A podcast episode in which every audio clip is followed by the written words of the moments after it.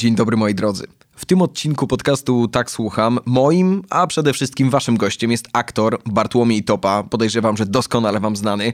On w domku na Kaszubach, ja prosto ze studia, dlatego przyznam szczerze, że jakość tego nagrania z mojej perspektywy pozostawia trochę do życzenia, ale kiedy mm, postawiłem na szali pogadać online albo nie pogadać wcale, no to jednak wybrałem opcję numer jeden i tak oto jej owocem jest nasza rozmowa. Na przeróżne tematy.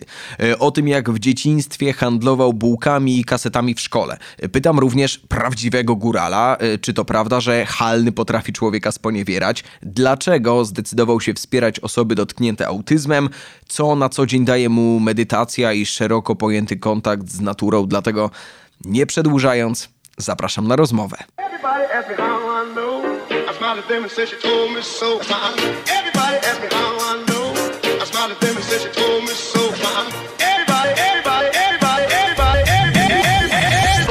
Dotarłem do informacji i chciałbym teraz, żeby pan potwierdził lub zdementował, że zdarzało się panu handlować bułkami, to piję trochę do tego wątku finansowego. Czy są jakieś inne korzenie? Czy to prawda, że miał pan taki w dzieciństwie smykałkę? No, w dzieciństwie, no to była, to była szkoła średnia. Kończyłem technikum weterynaryjny i razem z moim kolegą, no pomyśleliśmy, że może warto jakoś inaczej też e, sobie radzić, bo rodzice częściowo nas utrzymują, czy utrzymywali. To był, to był, to był początek lat 80., tuż po stanie wojennym. Kupowaliśmy bułki u naszego zaprzyjaźnionego piekarza i nosiliśmy takie e, skrzynie wielkie, sprzedawaliśmy te buły naszym kolegom, koleżankom w wecie tak zwanym, czyli w technikum weterynaryjnym. Często nauczyciele też kupowali, zamawia, za, zamawiane były konkretne rodzaje półek i chlebów i ten piekarz, który, do którego przychodziliśmy o godzinie 6 rano codziennie, wstawaliśmy o 5, żeby żeby ciepłe bułki jeszcze zanieść na ósmą, żeby było gotowe. Też zauważył nasze starania i po jakimś czasie zaczął nas wozić nawet do tej szkoły, więc, więc mieliśmy jakieś plusy, nie płacąc za to, a potem dzięki tym pieniądzom mogliśmy kupić sobie tam jakiś wymarzony sprzęt radiowy, kolumny i tak dalej. No, to była taka, taka młodość dziwna, bardzo piękna zresztą, ale szukaliśmy różnych możliwości też. No, handlowałem kasetami też z, z nagraniami Beatlesów razem z moim kumplem, który przywoził je z, z Węgier wtedy jeszcze. Kupowaliśmy wtedy taśmy z językiem rosyjskim, kasowali je i nagrywali. Sprzedawali na targu, w targu. No ale to niestety się skończyło dosyć zabawnie, bo bo w którymś momencie y, policja, policja, wtedy jeszcze milicja gospodarcza przyszła do moich rodziców. No i niestety proceder został już bardzo szybko y, zakończony. Myślę, że to ciekawe w kontekście, że już idąc w kolejny biznes, czyli właśnie w przegrywanie muzyki, no tam trzeba było mieć już kontakt z zagranicą. E, ktoś to musiał... No trzeba było. Trzeba było. Ktoś to musiał zorganizować. Musieliśmy mieć płyty. No ale zdarzało się tak, że rzeczywiście mój sąsiad miał taką możliwość i, i przywoził te płyty z, z Węgier, z Budapesztu bezpośrednio. I te czasy właśnie licealne, czy może studenckie wspomina Pan najbardziej kolorowo? Każdy czas ma swoją specyfikę i, taką, no na tamten czas wtedy od, od, odbieramy tę rzeczywistość różnie, bawimy się, no może czasami bardziej niż, niż dzisiaj, kiedyś. Więcej się uczymy w podstawówce czy w średniej szkole. Dzisiaj trochę mniej, no nie, nie rozwiązujemy słupków matematycznych. Trochę nasze zainteresowania idą w, w różnych kierunkach w zależności od tych okresów. No. Ja bardzo dobrze wspominam e, szkołę filmową w Łodzi razem z moimi kumplami, koleżankami, kolegami. No, to był czas takiego takiej eksploracji emocji, poznawania siebie od strony takiej wewnętrznej, od e, swoich lęków, e, swojego wstydu, jakiejś intymności, wchodzenia w takie otwarcie bardzo poważne, które wiąże się z wiarygodnością też budowania postaci, ale też tam było mnóstwo radości w, w szkole i w takiej bardzo ciężkiej, mozolnej pracy, która nas zajmowała od rana do, do wieczora do późnych godzin nocnych w trakcie prób, mm, przygotowań scen, wierszy i tak dalej. A mieliśmy też szansę i możliwość spotkania Janka Machulskiego, który był naszym opiekunem. No, wyjątkowa, wspaniała postać w kinematografii i teatrze polskim, więc y, tamten czas szkoły filmowej bardzo dobrze wspominam. Bo często, kiedy rozmawiam z młodszymi aktorami, to dyskutujemy na temat takiego trochę nowych czasów, które nadeszły i często osoby, które pojawiają się na ekranie, nie mają tej szkoły. Jak pan patrzy na takie zestawienie? No bo dobrze wiemy, że teraz jest to możliwe, tak? Jeżeli ktoś, ktoś spokojnie może wejść na duży ekran, nie posiadając tego, nie kończąc szkoły aktorskiej. Jak pan patrzy na takie zestawienie szkoła versus odpuszczenie tego i od razu, od razu granie?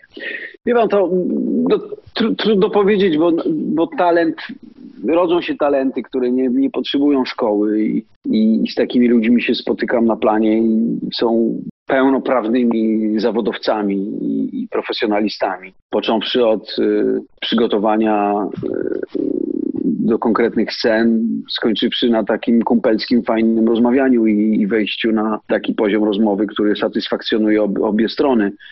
No ale zdarzają się oczywiście takie osoby, które mają pretensje i, i chcą, rzeczywiście mają parcie na ekran i, i, gdzieś to zderzenie następuje, ale wtedy w cudzysłowie oczywiście korzystamy z takich, jakby korzystamy z siebie, wykorzystujemy te elementy emocji czy postaw, które mogą służyć naszym rolom naszym przedstawieniom, niekoniecznie spotykając się z nimi na zewnątrz i, i, niekoniecznie musimy od razu pójść na piwo czy napić się wina. Więc wie pan, no różnie to bywa. Oczywiście, że, że, że, że szkoła jest jakimś y, takim progiem i takim jakąś weryfikacją, bo dzisiaj nie wiem, ale pewnie z 500 osób startuje, może nawet 1000 startuje, żeby, żeby się dostać do szkoły. Mm, na rok przyjmuje 20 osób. Kiedyś było tych osób troszkę mniej, rzeczywiście około 200 może. E, więc ta weryfikacja następuje w szkołach i, i tam się wybiera osoby z, jakąś, z jakimś potencjałem emocjonalnym, z takim szerszym patrzeniem, czego, czego w kinie będzie potrzeba, jakich charakterów, jakichś specyficznych cech, które będą dawały obraz, pełniejszy obraz w filmie czy w, czy w teatrze. Jakoś nie, nie odrzucałbym, jeszcze raz mówię, takich samorodnych talentów, które gdzieś się pojawiają, ale pewnie, że szkoła weryfikuje bardzo wiele postaw czy myśli o tym, że chciałoby się być aktorem. Bo wielu jest takich też aktorów, którzy po pierwszym, drugim, trzecim roku jeszcze rezygnują, a potem po szkole nawet no, pojawia się jedna, dwie, pięć osób z dwudziestki, która jest obecna w teatrze, w mediach. Też często jest tak, że aktorzy po szkołach pracują w radiu właśnie, czy w telewizji, czy, czy wchodzą w inne role w, w show biznesie tak zwanym. A jak pan patrzy na swoje doświadczenia ze szkoły i, i ten poziom kinematografii top, o którym pan myślał, to już pan na niego wskoczył, czy, czy to może jeszcze za chwilę? Chodzi mi o, o ambicje młodego człowieka, które z perspektywy czasu są jakoś analizowane. No, wie pan, każdy też taki wiek, czy są takie okresy, jakieś dziesięciolecia może, gdzie, gdzie rzeczywiście myślimy o tym, żeby, nie wiem, zdobyć Oscara, żeby żeby pojechać na festiwal do Wenecji czy, czy, czy do Cannes. Ja myślę, że troszeczkę te, te moje, nie mówię, że schłodziły się te ambicje moje, ale myślę, że, że szukam projektów, które są dla mnie ciekawe wewnętrznie, interesujące, a co się potem z tym dzieje, to już gdzieś chyba ta rola nie jest moja, bo, bo są producenci, są sprzedawcy, handlujemy filmami, film staje się produktem biznesowym bardzo, bardzo często. Nawet ten, ten projekt tak zwany artystyczny. Mam taki moment, że szukam, no jeszcze raz powtarzam, szukam tekstów czy, czy projektów, które gdzieś mnie wciągną, które, które zainteresują mnie swoją historią czy, czy, czy, czy postaciami, żeby odkrywać coś nowego w sobie, czy spotkać się z kolegami nowych sytuacjach. A niekoniecznie o tym, że nie wiem, no zapasz herbatę, o tak, ona jest gorzka, dodać sobie trochę cukru. Obserwuję to, co się dzieje gdzieś też za granicą i oglądam od czasu do czasu filmy czy, czy seriale, w których biorą udział naprawdę wybitni aktorzy i, i, i tematy, które są poruszane tam. Mając na uwadze to, że produkcja czy przygotowanie takiego serialu trwa 2-3 lata, to naprawdę no, wykraczają bardzo do przodu, jeśli chodzi o, o, o takie spojrzenie psychologiczne, o dialog, o zdjęcia, o, o wiarygodność, o, o takie zaangażowanie, kurczę, że jestem tym absolutnie zachwycony. Oczekuję takiego rodzaju podejścia do pracy, etosu pracy gdzieś też u nas. I to się zdarza. To się zdarza. Nie, nie, nie, nie mogę powiedzieć, że nie, ale może to jest ten moment, wie pan, który, który nas zmusi do, do zmiany trochę jakości albo podniesienia o kilka stopni jakości naszych e, działań. No myślę sobie, że takie produkcje jak na przykład Wataha, czy teraz e, premiera Króla, to już jest e, plus kilka punktów do tego, co, co robimy. No to prawda. W przypadku y, Watachy zebrała się naprawdę świetna ekipa. Na to się złożyło bardzo wiele czynników, świetnych mm, obiektów, mm, lokalizacji bieszczadzkich, miejsc, które tak naprawdę we współczesnym kinie nie były tak mocno eksploatowane, wykorzystywane. I jednocześnie było sporo czasu na to, żeby ten film zrealizować, czy te filmy zrealizować, bo ja je gdzieś nazywam rzeczywiście taką fabułą w odcinkach. O tym już też rozmawialiśmy przy okazji różnych innych produkcji TVN-owskich na przykład, ale w przypadku Króla, no to jest kino historyczne, bardzo drogie kino, które, które zaangażowało też fantastyczną ekipę, łącznie z doskonałą literaturą, świetnymi kreacjami aktorskimi moich kolegów. Rzeczywiście z wielką przyjemnością oglądam i obejrzałem te dwa odcinki na razie, więc, więc tak, no oby takie rzeczy się pojawiały, takie filmy się pojawiały i, i, pewnie będzie miejsce na to, no, bo to jest towar eksportowy. Zresztą Wataha została sprzedana do 20 chyba 8 krajów w Europie i ze znakomitą, ze znakomitym sukcesem. Wierzę głęboko, że podobnie będzie z Królem. A czy to jest trochę tak, że góralowi przyjemniej gra się w górach. Ja wiem, że to kompletnie inne krainy geograficzne, Bieszczady versus Tatry, no ale jednak... Yy... Tak, zdecydowanie tak. Wiesz, myślę, że, że to jest taki moment, jak przyjechałem tam, e, e przyjechałem do, do Ustrzyk Górnych i i spojrzałem też na siebie. Wiedziałem, że jak jadę w góry, no to muszę się przygotować, muszę się ubrać, zało założyć, zabrać z sobą ciepłe skarpety, kalesony. Góry nie wybaczają takich błędów i, i, i, nie ma mowy o tym, żeby pójść w góry w tenisówkach, tylko trzeba się naprawdę przygotować. I często widziałem osoby z ekipy, które no, nie były gotowe na takie drastyczne zmiany pogody, że trochę cierpiały, no ale, no, no, ale to jest kwestia też takiej doświadczeń. No, ja wychowałem się w górach, chodziłem po Tatrach, po Gorcach, po Pieninach, znam te znam, znam warunki, więc było mi trochę łatwiej, ale z, z wielką przyjemnością wracałem w Bieszczady. Bo też nie, nie, spędzałem mhm. tak jak Lechu Lichota spędzał po parę miesięcy tam, żeby realizować y, film. Ja bywałem po, po, po kilka, po kilka tygodni. Okej, okay, czyli jakby te krótsze okresy versus to, co on nagrywał już siedząc w tej swojej leśniczówce tam na tak, szczycie, na szczycie. Tak, tak, okay. Proszę mi powiedzieć, bo to muszę zapytać Górala, skoro rozmawiamy, czy naprawdę halny człowieka potrafi w cudzysłowie Wytarmosić? Tak. Zdecydowanie tak. Myślę, że to, jest, to, ma, to ma ogromny wpływ. Zmiany ciśnień i obecność y, blisko górno ma wpływ. No, jesteśmy związani mocno z naturą i, i wielu z nas y, odczuwa zmiany pogody bardzo silnie. Szczególnie tam, w tak drastycznych warunkach i w tak nagle, więc trochę psychę, y, psychę siada i pojawiają się różne. Jeżeli ktoś jest super wrażliwy i naturopatą, to rzeczywiście się, się musi zmagać z warunkami. Alny bardzo silnie działa, tak. Sporo wtedy y, leje się trunków różnych, żeby sobie to jakoś y, złagodzić w sobie. Chciałbym trochę, mm, panie Bartku, wrócić do, do początków y, pana zawodowej kariery, bo y, mam taką tezę i, i, i, jestem ciekawy, jak się pan do tego odniesie, czyli zestawiłem Zenka ze Złotopolskich versus Ryśka z klanu, czyli Piotrka Cyrwusa, za którym ta rola idzie całe życie i się nie może odkleić, a pan nie dość, że wykreował tego Zenka w sposób super charakterystyczny, to jeszcze wszyscy, mam przynajmniej taka jest moja obserwacja, odbierają stworzenie jego postaci jako gigantyczny plus, a nie jako rola, która idzie za aktorem całe życie. No tak, ja nie chcę porównywać się do. Mm, Może być to każda inna postać, która ciągnie się za aktorem.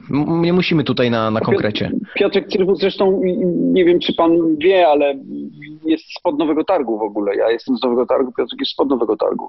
Dla mnie to był taki poligon trochę, bo, bo moje marzenia o byciu aktorem czy o, o, o, o rolach, które chcę zagrać, mierzyły bardzo wysoko. Ja tuż po szkole na festiwalu dyplomów szkół aktorskich zaprosiłem wielu dyrektorów, ale bardzo chciałem być w Teatrze Studio Grzegorzewskiego. Wysłałem do niego list, prośbę, nie przyjechał. Myślałem sobie, kurczę, jeżeli Zresztą też o tym mówiłem. Jeżeli dyrektorzy nie chcą przyjeżdżać, nie chcą oglądać młodych aktorów, no to ja też nie chcę być w takich teatrach. I zrezygnowałem z teatru wtedy, już na początku. Mimo, że teraz od kilku lat y, teatr jest moją wielką miłością i, i uwielbiam stawać na, na, na, na, scenie, przygotowywać się i, i, i spotykać z moimi partnerami. A w przypadku Zenka to był taki moment takiego y, rzeczywiście poligonu aktorskiego i ja dostałem jakąś kilkudniową taką próbkę od, y, od producentów złotopolskich, żeby się pojawić, jak to wtedy po szkołach, chociaż to było już 10 lat po. Wahałem się w ogóle, czy wziąć tę rolę, czy rolę, tę postać, ten epizod. No ale gdzieś chciałem zrobić sobie też z niego jakąś e, no, taką formę, którą, której się dobrze poczuję, żeby badać też, jakie są reakcje widzów, e, reakcje realizatorów. No i tak się stało, że w pierwszych dniach już na już na planie. No odczułem to, bo, bo realizatorzy za, za monitorami mocno się uśmiechali i, i jakoś bardzo mnie dopingowali, były brawa nawet, więc, y, więc pomyślałem, kurczę, no może, może przez jakiś czas pobędę tam, tym bardziej, że Jan Purzycki, który pisał scenariusze, gdzieś też przyjechał na plan, spotkał się ze mną, rozmawialiśmy na ten temat, no i tak gdzieś ten Zenon się, się rozwijał w tym, w tym sklepie w Złotopolicach. I, I, miałem dużą frajdę pracy z, z reżyserami, bo wielokroć pozwalali mi na taką improwizację też konkretnych scen. Nie zatrzymywali kamery, myśmy pracowali dalej. Coś z tego zawsze wynikało. Potem pojawił się w 2000, 2000 roku projekt Kuracja z Wojtkiem Smarzowskim. Tam się spotkaliśmy po raz pierwszy i, i rzeczywiście w zderzeniu tych dwóch postaci, Zenka i Andrzeja Majera, w tym teatrze telewizyjnym, nie wiem, czy pan miał okazję oglądać. Tak, tak. No to to była taka granica, to były takie bieguny działań moich y, aktorskich, które potem się jeszcze jasne, że, że rozrastały ta paleta się powiększała. Ale od czasu do czasu możemy jeszcze obejrzeć w, te, w telewizji polskiej powtórki jakieś, więc Wie pan, różnie to bywa. No, miałem taką szansę, że się spotka że, że, że spotkałem Wojtka Smarzowskiego, spotkałem wielu innych reżyserów też, którzy dali mi szansę stworzenia tych postaci i, i, i króla, i, i, i postaci w, w domu złym. A pamięta pan takie postaci, z którymi pan się najbardziej zakumplował? Bo czasami podejrzewam, że gra się kogoś, kogo się prywatnie nie lubi i człowiek nie chciałby być taką osobą, a czasami człowiek zerka, jak ta postać może wyglądać i myśli sobie, fajny facet. W każdej, w każdej tej większej roli, którą miałem na sobie, w sobie, gdzie znajdowałem też swoje cechy i, i próbowałem je przekazać. No. Pracujemy na, na organizmie, napisane są pewne elementy, wydarzenia, dramaturgia, no ale to jesteśmy my też i gdzieś odkrywamy w sobie też te, te zakamarki, mrok i próbujemy to sklecić jakoś wspólnie. No. A, a dla mnie gdzieś takie szukanie usprawiedliwień pewnych zachowań albo pójście w, w, dramat jest, jest częścią tej fantastycznej roboty, którą uprawia. I ten wachlarz y, jest naprawdę nieograniczony. On jest ograniczony tylko moją wyobraźnią, wrażliwością, emocjami, które chcę pokazać, albo adekwatnością y, y, do sytuacji i, wspólnie z reżyserem, z moimi partnerami na planie próbujemy to eksplorować i, i to jest no, niezwykle fascynujące w tej pracy. Panie Bartku, chciałbym panu y, pogratulować. To miało miejsce kilka lat temu, pewnie z 8, z 10, jeżeli ja pamiętam. Pamiętam, że moja pierwsza reakcja była taka, że to był wielki szok, a potem duże gratulacje, które trzymałem tak naprawdę do dzisiaj, czyli akcji z Fundacją Synapsis, w której wspierał pan y, osoby z autyzmem no to, było, to był dla mnie, jeżeli chodzi o akcje społeczne, dobrze wiemy, że teraz ten showbiz przyzwyczaił nas do tego, że, że wszystko człowieka zaskakuje z tamtej strony, a, a dla mnie te kilka lat temu, kiedy zobaczyłem rozwiązanie, to pomyślałem sobie, kurde, dobre to było. Chyba tak naprawdę nawet my nie spodziewaliśmy się takiego efektu, bo pracowaliśmy na żywym organizmie. Media społecznościowe wtedy już zaczynały tak odgrywać bardzo poważną rolę. Plotek się rozwijał, plotek w cudzysłowie, czyli wszystkie te plotkarskie mm, kanały. Rzeczywiście dotarliśmy do, do takiej grupy społecznej, która się, która dowiedziała się o tym, czym jest autyzm i trochę zmieniło to podejście do ludzi, którzy cierpią na autyzm. Rzeczywiście tak z dzisiejszej, z, z, z dzisiejszej perspektywy patrząc, to było, no to było ogromne ryzyko i mam tego świadomość, ale wiedziałem, że na szali stoi, kurde, ważna rzecz, o której trzeba mówić. I wie pan, y, przyznam się, jak oglądam te filmy czasami właśnie przy okazji takich rozmów czy spotkań z, z widzami, jak przypominają mi o tych filmach, to rzeczywiście gdzieś y, no, emocje gardło ściskają, bo no bo to było przeżycie nie tylko dla mnie bardzo silne, ale, ale dla wielu moich przyjaciół, znajomych. Wielokrotnie widziałem łzy i takiego, i taką postawę zmiana postawy, czyli z niewiedzy w taką kurczę. W, no to rozwiązanie. Okay, to, to, rozwiązanie, no tak, to, to jest. Rzeczywiście to tak wygląda? Kurczę, nigdy nie wiedziałem o tym, w ogóle się nad tym nie zastanawiałem. No dopóki ktoś nie włoży ręki w, w ogień, to, to, to może nie wiedzieć, jak to bardzo, jak można sobie spalić skórę. Więc tu było bardzo podobnie, tylko w odwrotnym, w, na odwrotnym biegunie, że, że rzeczywiście zrobiliśmy coś fajnego, coś chyba dobrego dla, dla nas wszystkich. No. Plan telewizyjny, na przykład y, kiedy pan pojawił się w programie śniadaniowym, oni wiedzieli, co się dzieje? Nie, nie wiedzieli, nikt nie wiedział. My tak naprawdę tam była grupa pięciu osób, może, może siedmiu, plus rodzina moja, mój syn i moi rodzice, y, brat i siostra, nauczyciele, oczywiście Antka też, mojego syna, że taka akcja będzie miała miejsce i prosimy o dyskrecję, że to rozwiązanie tej akcji będzie za kilka dni. Tak się złożyło, co też jest dzisiaj z mojej perspektywy jakimś, e, jakimś no, zbiegiem, w ogóle niezwykłym zbiegiem okoliczności. Zostałem zaproszony, bo my próbowaliśmy dotrzeć do różnych telewizji, żeby żeby się spotkać w takim programie śniadaniowym i o tym, znaczy nie o tym porozmawiać, o, o innej jakiejś sytuacji porozmawiać po to, żeby móc wykorzystać moje zachowania w tym programie. Akurat tak się stało, że zostałem zaproszony i to naprawdę był przypadek. Zostałem zaproszony do, do telewizji polskiej, żeby opowiadać o, o, o nartach, o sprzęcie mm, narciarskim. Ja spóźniłem się na to spotkanie, wszedłem, ale, ale moje w cudzysłowie granie czy obecność, pokazywanie tych cech zaczęło się już od momentu przekroczenia y, y, progów telewizji. Potem w charakteryzacji byłem taki mm, podekscytowany bardzo mocno. Już wchodząc na, na sam plan, obserwowałem prowadzących Łukasza Nowickiego i, i Marzenę Rogalską, którzy uciekali od, od pytań, którzy, zresztą kamer, y, kamery też pracowały bardzo, bardzo dziwnie słyszałem głosy w, w słuchawkach, żeby nie, e, nie kadrować e, topy, bo się dziwnie zachowuje. Ten program został skrócony o kilka minut też. Marzena potem zachorowała na dwa tygodnie, jakoś tak ją mocno to uderzyło. Po wyjściu z, z, z telewizji redaktorzy dzwonili do moich agentów, żeby żeby y, zaopiekowali się mną, ponieważ moje zachowanie no, może skutkować jakimś wypadkiem i tak dalej, i tak dalej. No, ale nie mogłem o niczym powiedzieć. Myśmy się od razu schowali do takiego studia, gdzie, gdzie po tym programie zaczęliśmy wypuszczać filmiki, które były przygotowane kilka tygodni wcześniej. Więc to się wszystko fantastycznie złożyło i ale to oczywiście nigdy nie ma przypadków. Ja uważam, że ta akcja, która jakby w całej Gdybyśmy ją robili komercyjnie, kosztowałaby kilka naprawdę dobrych milionów złotych. Zrobiliśmy ją za bodajże 5 tysięcy tylko.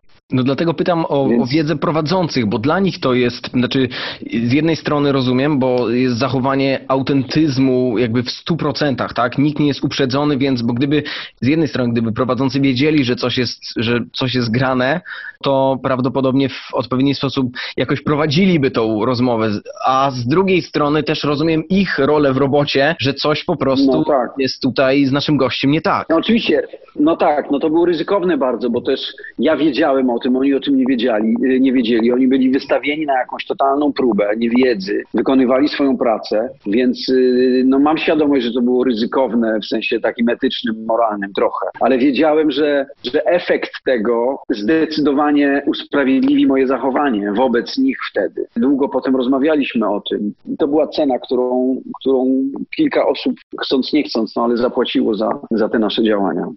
Panie Bartku, zerkałem w komentarze, y, bo, bo ich jest sporo, pod, czy na jakimś Filmwebie, czy na różnego rodzaju innego, innych portalach.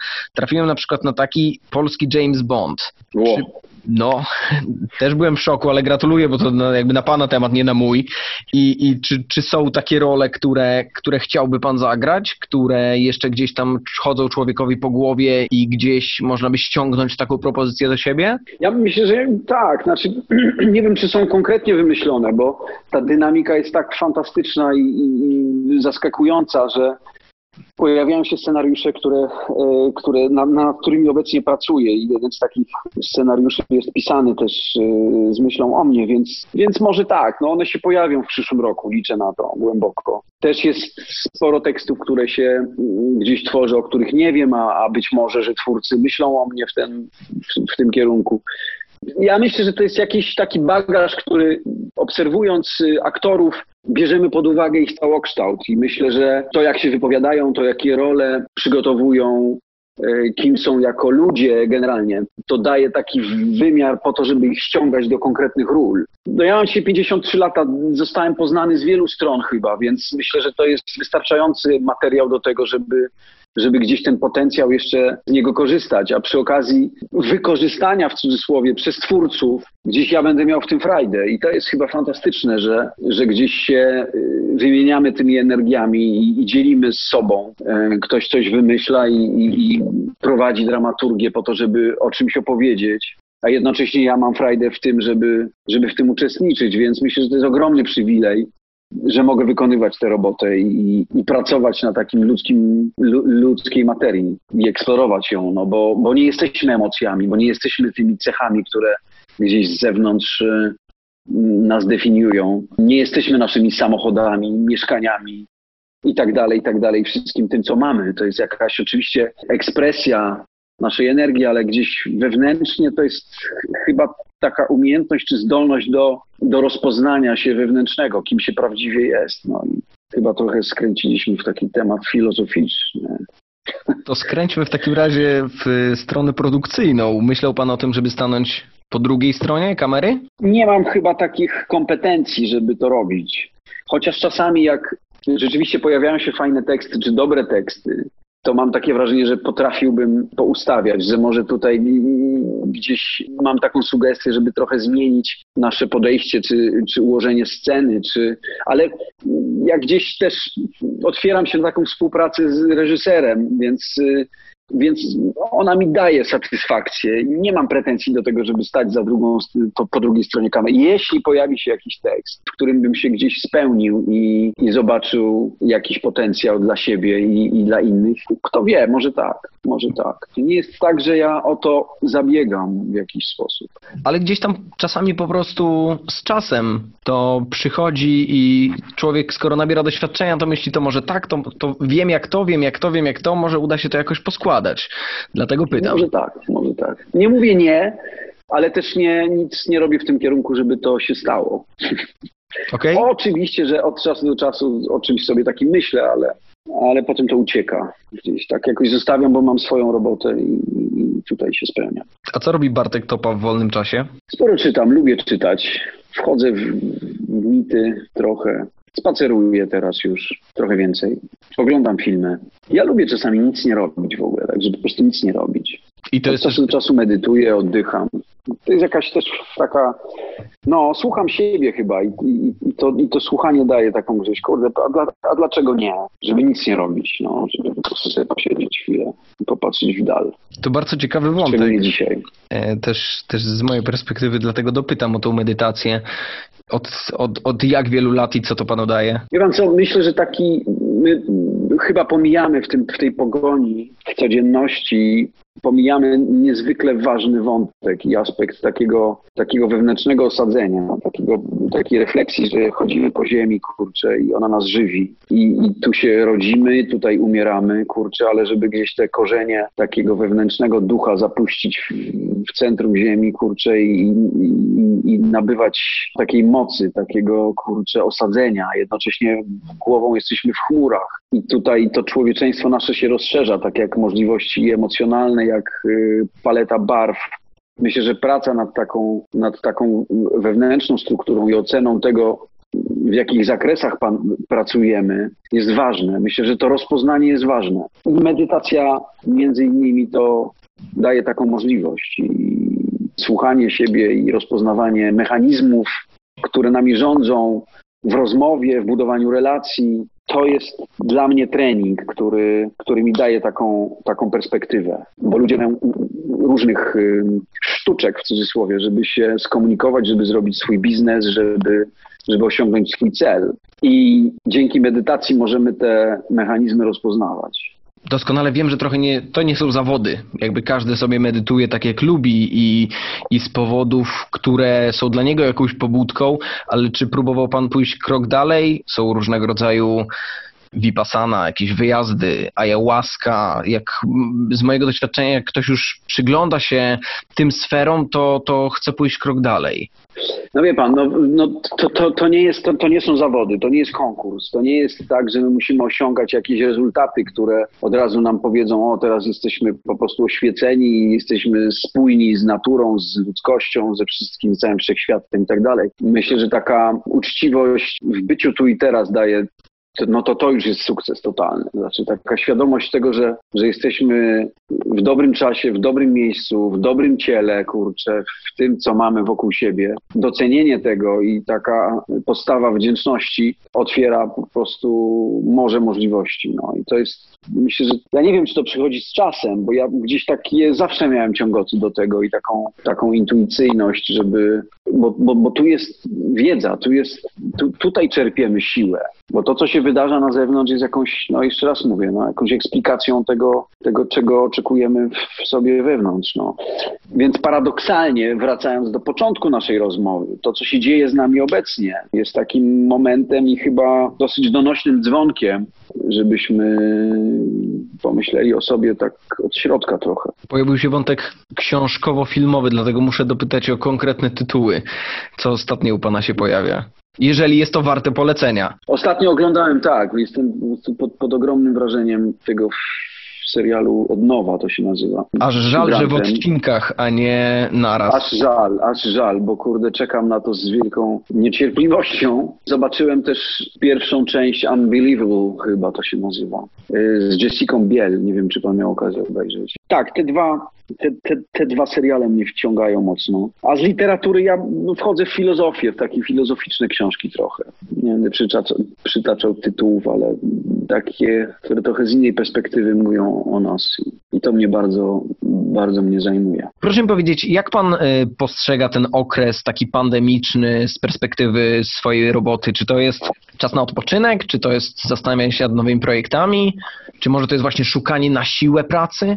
Wie pan co, ja myślę, że to jest taki moment, y, branża artystyczna, aktorska, y, gdzieś dotyczy ludzi, pewnie w każdej branży tak jest, ale o podwyższonej wrażliwości trochę i to, co się dzieje ma, ma wiele aspektów i, i pewnie na wielu poziomach można byłoby o tym pogadać jeszcze i rozważać. Ten poziom pracy, który, którego nie ma, bo, bo, bo nie możemy pracować, nie możemy być na scenie, nie możemy spotykać się z publicznością, nie możemy spotykać się z moimi partnerami, partnerkami, kolegami, koleżankami na, na, na scenie i po prostu być, żeby, żeby przekazywać, żeby robić ten transfer emocji, żeby robić transfer inspiracji, wiedzy, frajdy, zabawy, uśmiechu, emo- i tak dalej, i tak dalej. To jest, to, to, to jest ta pierwsza rzecz, pierwszy poziom. Potem jest kolejny dotyczący pracy takiej filmowej, która mm, no jeszcze, dziękując losowi, się odbywa i, i pracujemy, więc y, ci, którzy mają szansę pracować w, w telewizji czy w internecie, robić projekty y,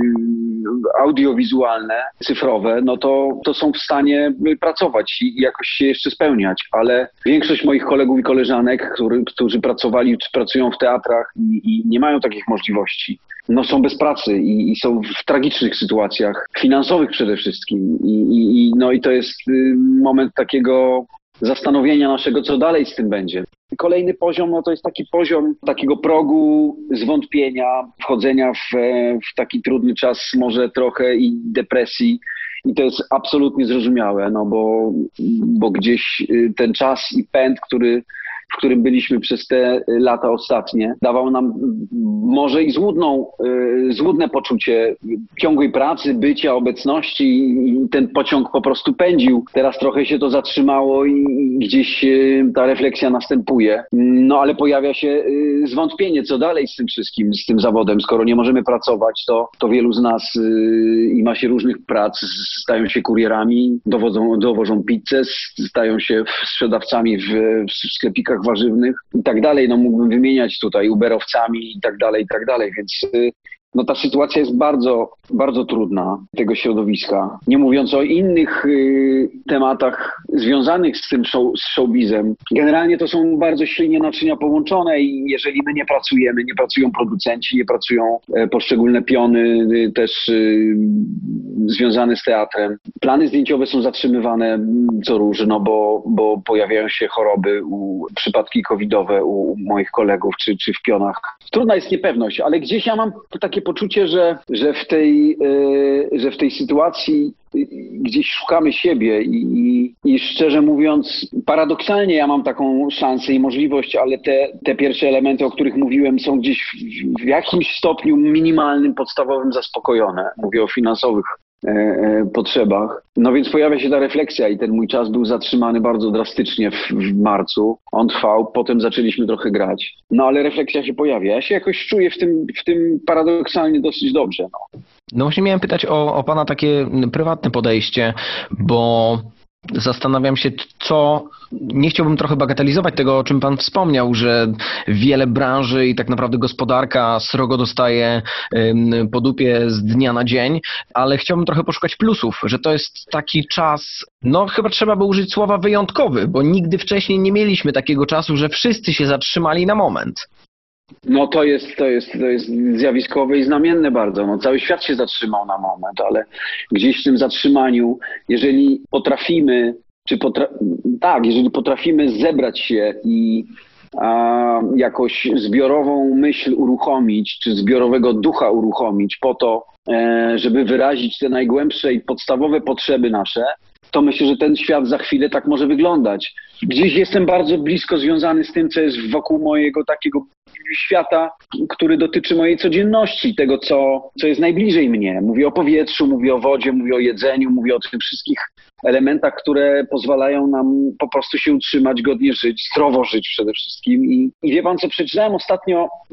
Pomysł, pewnie pan to czytał, może nie, pomysł rządu brytyjskiego, który oczywiście ma no, różne oceny i, i wiadomo, bo są w Brexicie, już ich nie ma w Unii Europejskiej. Nie jestem ekspertem, ale te 10 punktów totalnej zmiany, y, jak za rewolucji y, przemysłowej w XVIII wieku, przepraszam, w XIX wieku, tak samo teraz te 10 punktów, które zaproponował y, rząd Johnsona, no jest dla mnie absolutnie fenomenalnych, no, żeby przejść na yy, na przykład totalną zieloną energię w 30 latach, 30, 40 latach yy, tego wieku. No, te punkty są genialne, ja teraz ich do końca nie przytoczę, ale ale gdybyśmy tak naprawdę europejsko czy światowo się zebrali i pomyśleli o tym, że rzeczywiście to jest kierunek najbliższych 25-50 lat, no to ten świat trochę by inaczej wyglądał. Myślę, że przeszlibyśmy przez ten kryzys bardzo z taką obronną ręką, z twarzą no, i, i, i z nowymi motywacjami i inspiracjami.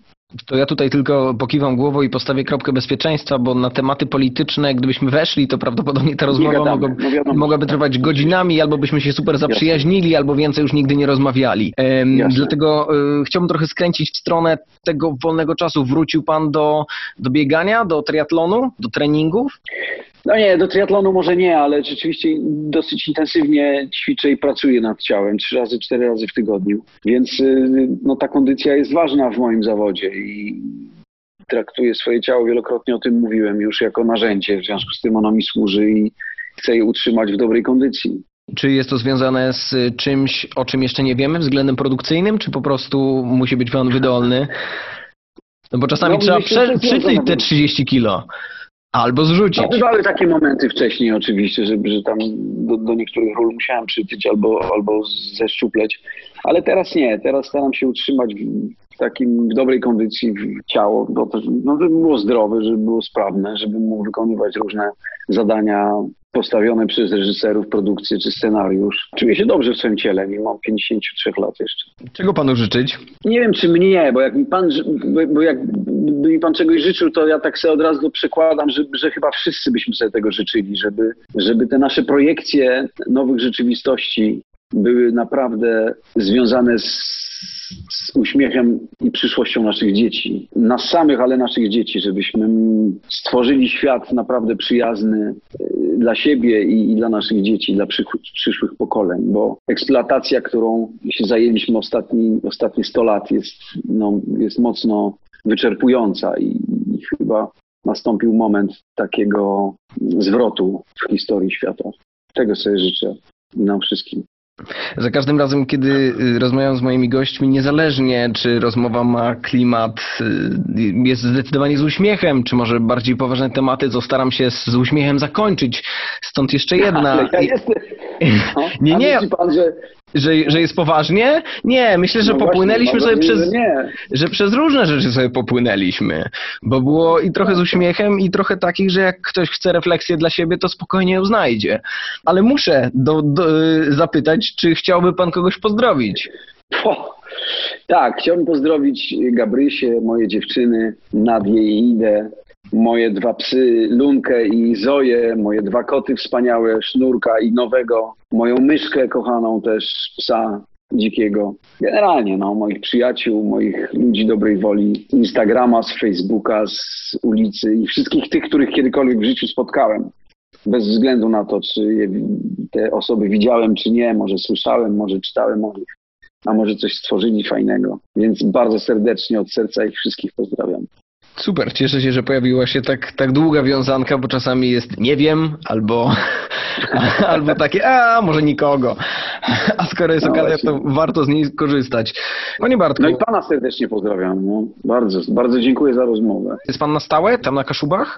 Nie, na, nie, na stałe nie. Wracam jutro, wracam jutro do Warszawy. Miałem sporo pracy, więc tak biznesowo potraktowałem ten wyjazd trochę. Znaczy biznesowo, no pracowo i wracam, ale no będę w Warszawie, mam jakieś kolejne dni jeszcze zdjęciowe Pracuję teraz e, nad takim projektem dla Netflixa, no ale to już, już końcówka zdjęć, więc e, czekam na decyzję rządu, czy teatry otworzą, czy nie, czy, czy będziemy mieli szansę zagrać już niedługo. Okej, okay, a Netflix kiedy może się pojawić? Kiedy planują? W przyszłym roku. W przyszłym roku to jest film fabularny. Dziękuję serdecznie. Jasne. Trzymam kciuki. Do zobaczenia. Ja dziękuję i do zobaczenia kiedyś. No, na szlaku. Pozdrawiam. Do zobaczenia. Na razie. Cześć. Everybody